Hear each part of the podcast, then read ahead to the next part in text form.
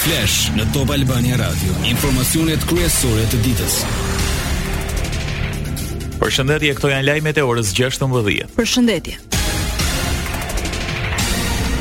Presidentja e Kosovës, Vjosa Osmani, po viziton sot Tiranën, ku do të qëndrojë për dy ditë. Takimin e parë, presidentja e Kosovës e zhvillon me homologun Bajram Begaj. Karakteri strategjik i marrëdhënieve midis dy shteteve tona është me rëndësi të patjetërsueshme dhe me një rol unik për stabilitetin, sigurinë, zhvillimin e qëndrueshëm dhe perspektivën euroatlantike të gjithë rajonit. Theksova gjithashtu se askush nuk ka pse çuditet se përse Kosova është një prioritet kombëtar i Shqipërisë. Kjo ka qenë e mbetet devizë e çdo shtetari në Shqipëri, ndaj edhe rikonfirmova edhe një herë mbështetjen time dhe të shtetit shqiptar për Kosovën kudo, në çdo forum rajonal e ndërkombëtar. Teksa marrëdhënia mes Ramës dhe Kurtit vijon të jetë e ngrirë pas anulimit të mbledhjes së dy qeverive, presidentja Vjosa Osmani mbajti qëndrim të moderuar. Përballë sfidave ne qëndrojmë të bashkuar duke u fokusuar në një qëllim, stabiliteti, prosperiteti dhe integrimi euroatlantik i vendeve tona. Sërish kemi nevojë për mbështetjen e fuqishme të Shqipërisë, sidomos që të jetë zëri ynë në të gjitha instancat ndërkombëtare ku Kosova ende nuk ka përfaqësim. Siç e dini, dy muaj më parë shtetet tona nënshkruan edhe trembëdhjetë marrëveshje në fusha të ndryshme, nga siguria, drejtësia, arsimi, kultura e bujqësia, në dy vitet e fundit janë nënshkruar katërdhjetë e një marrëveshje qeveritare, ndërministrore, ndërinstitucionale. Ato synojnë fuqizimin e shteteve tona dhe njëkohësisht lehtësimin e jetës së qytetarëve në të dyja shtetet. Bashkëpunimi ekonomik është i një rëndësie të madhe për qytetarët tanë, prandaj edhe duhet dhe mund ta krijojmë një shkëmbim edhe më dinamik nga i cili përfitojnë edhe bizneset por edhe qytetarët. Osmani u ndal edhe në dialogun mes Prishtinës dhe Beogradit. Nuk është situata në veri ajo që ka acaruar dialogun Kosovë-Serbi. Është Serbia ajo që gjithnjë acaron situatën në rajonin tonë nëpërmjet sulmeve të njëpasnjëshme ndaj Kosovës. Nuk ka javë që kalon që dikush nga Serbia nuk gjuan me armë policët e Kosovës që janë në territorin e Republikës së Kosovës, duke zbatuar me përpikmëri planin që Putini pat zbatuar në vitin dy mijë e katërmbëdhjetë kundër Ukrainës, ta keni parasysh që Serbia vazhdimisht fut armatim në Kosovë ilegalisht. Serbia vazhdimisht trajnon pjesë të strukturave ilegale kriminale në ushtrinë serbe në mënyrë që ata pastaj të shkaktojnë probleme nëpërmjet armëve që i kanë sjellur ilegalisht në veri të Kosovës. Debatet shënuan të parën seancë të këtij sesioni të ri parlamentar që nisi sot. Në to u përfshinë deputeti demokrat Gazmend Bardhi dhe kryetarja e Kuvendit Lindita Nikolla, e cila njoftoi se kreu i grupit të PD-së është Lulzim Basha. Sot në orën 9 kam marrë një njoftim nga Partia Demokratike e Shqipërisë, e cila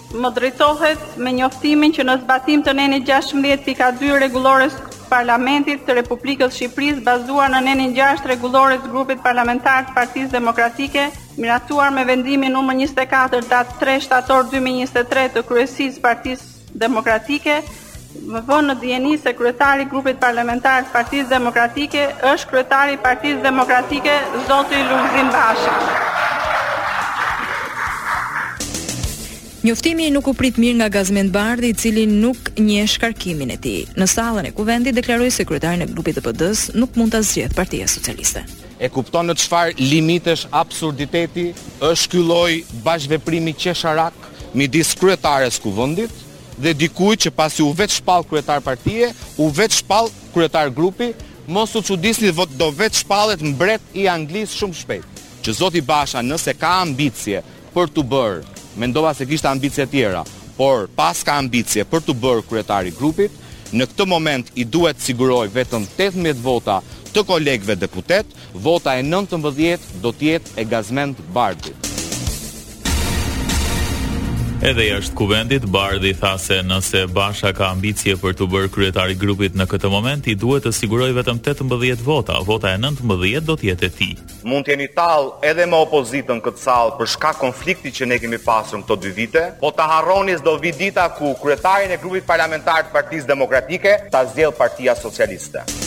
Në anën tjetër, Sali Berisha konfirmoi pjesëmarrjen në takimin e thirrur nga Gazmend Bardhi që zhvillohet nesër. Lulzim Basha, kryetari i Partisë Demokratike, ka të drejtën të kërkojë regjistrimin në zgjedhjet vendore të 24 shtatorit në Kukës. Kjo është vendimarrja e Komisionit Qendror të Zgjedhjeve që në betejën mes demokratëve për regjistrimin nën siglën zyrtare rrëzoi Berishën si ligjore KQZ-ja njohu kërkesën e Bashës. Lajme nga bota. Rusia sulmoi me dron një port të madh ukrainas ku eksportohen drithërat. Si pasojë e sulmit, flakët përfshinë depot duke shkaktuar dhe dëme të tjera disa orë para se presidenti Putin dhe homologu Erdogan të takohen. Goditja me dron që zgjati për 3 orë e gjysmë shënjestroi portin Izmail në rajonin e Odesës. Times. Volodymyr Zelensky propozon Rustem Umerovin si ministër të mbrojtjes të Ukrainës për të zëvendësuar Oleksiy Reznikovin, i cili u përfshi në një skandal korrupsioni me uniformat ushtarake. Umerov është kreu i Fondit të Pronës Shtetërore të Ukrainës. Lëvizja vjen pasi mediat ukrainase raportuan se së shpejti Reznikov do të zëvendësohej. Në Tajvan më shumë se 30.000 shtëpi kanë mbetur pa energji elektrike pasi tajfuni Haikui goditi pjesët jugore e lindore të ishullit. Si pasojë e stuhisë u mbyllën shkollat e bizneset si dhe u anuluan pothuajse të gjitha fluturimet. Ky ishte tajfun Sport.